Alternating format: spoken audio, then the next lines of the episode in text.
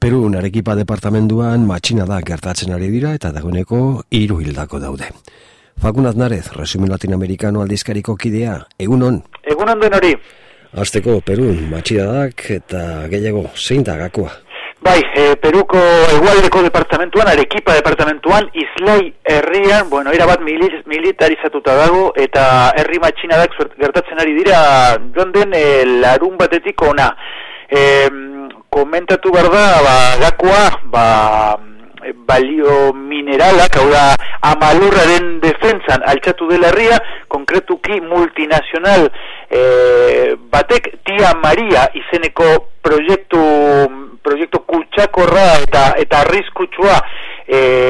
e, aurrera egiteko baimena, eman dio Ollanta Humalaren gobernuak, hau da, Peruko presidentaren gobernuak, eta,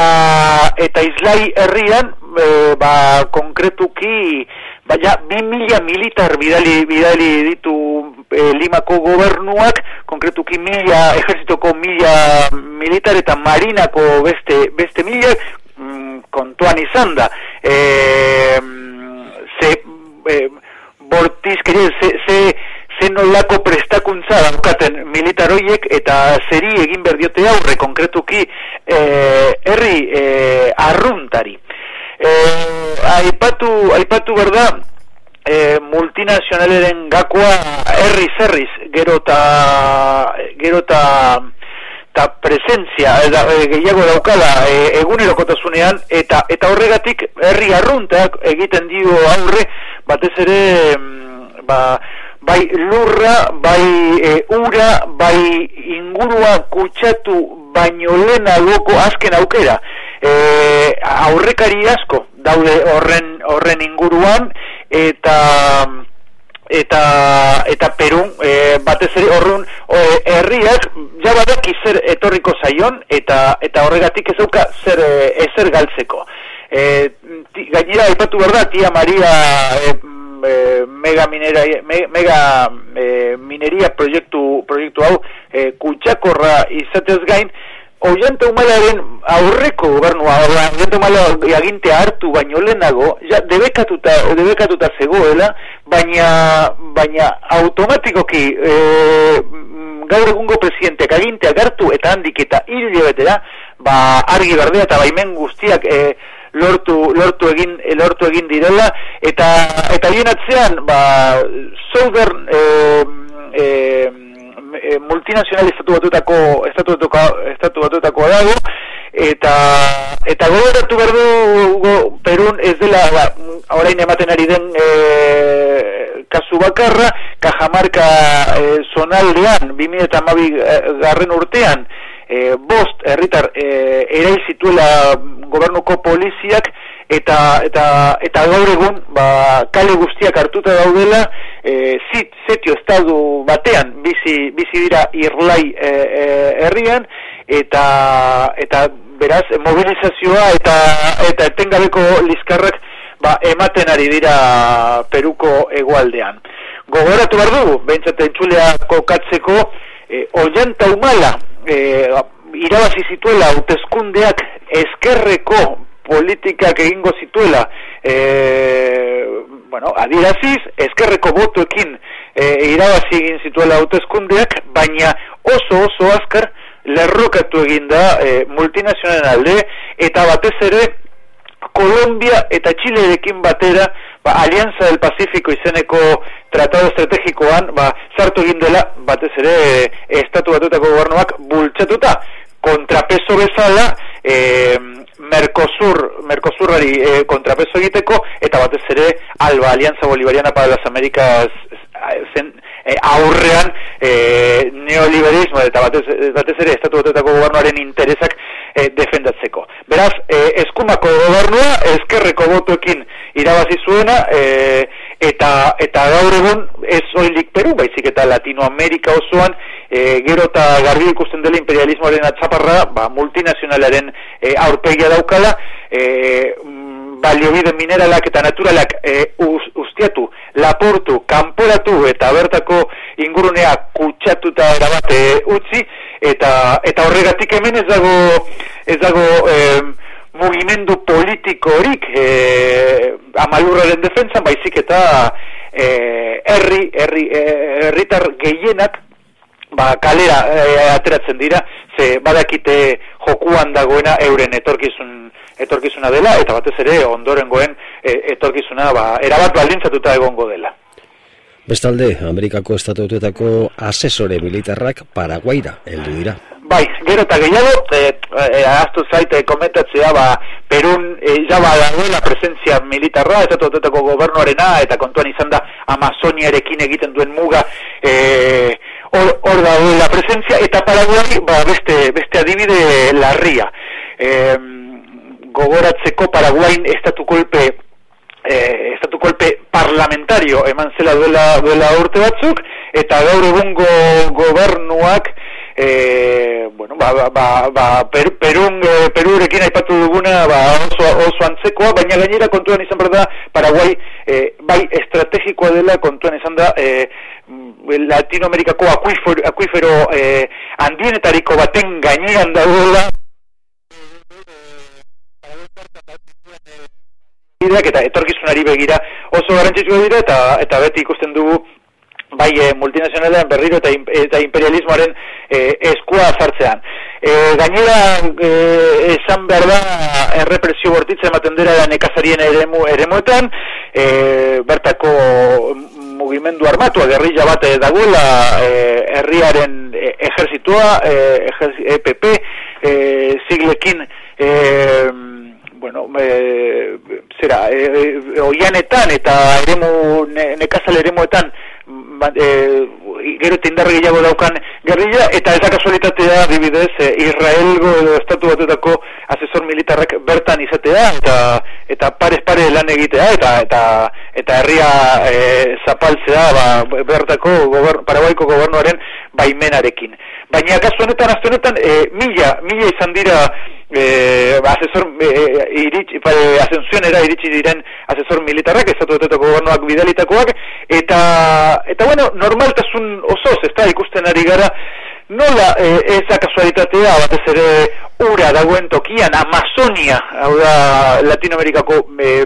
birikia den eh, Amazonia handiaren inguruan, gero eta presentzia militar eh, gehiago dagoela, eta eta horrek eh, esaten digu ba nola lerrokatzen diren nola mugitzen diren piezak eta eta ze ze nolako erronkak e, izango diren e, datozen datozen urteotan e, gutxi hitz egiten da bai Paraguay bai Honduras e, Honduras gertatutakoaz eta eta hori da e, zera azken amarkada honetan ematen den tendentzia hau da e,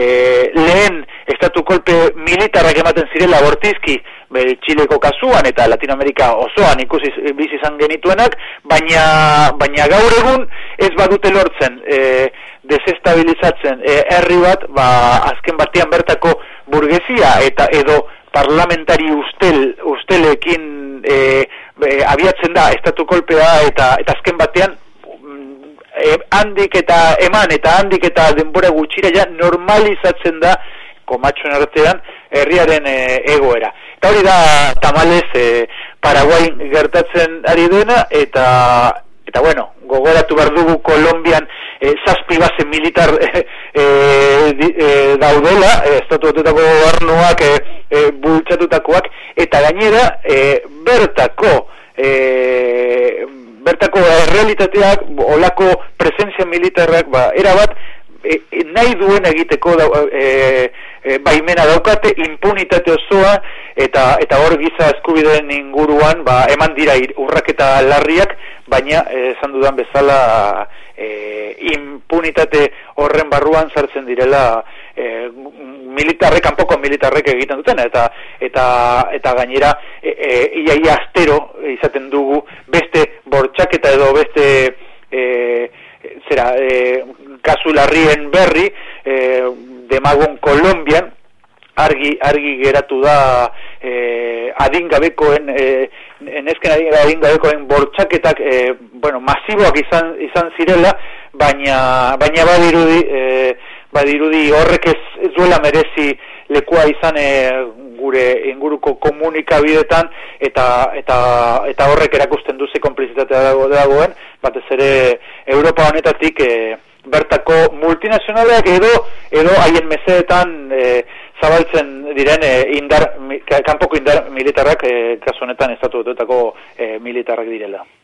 Bukatzeko fakun Guatemalan irunekazari epaitu eta zigortu egin dute, atzean berriro multinazionalak. Bai, bai, ala, e, hori da, hori da gaur egun Latinoamerika, e, Latinoamerika pariatzen duen e, zera, erazoa, e, ekonomikoa, desestabilizazioa, baina batez ere transnazionalen bidez e, ustiaketa. E, estatu, estatu espainolean zabaldu eginda kampaina bat, e, bi Guatemalako bi nekazari herri nekazarien e, alde konkretuki haiek e, e, e, epaiketari gabe eta egin ez zuten e, delitu batengatik e, hogeita mairu urteko kartzela zigorra e, e, ezarri, ezarri ziren Guatemalako Guatemalako justizia eta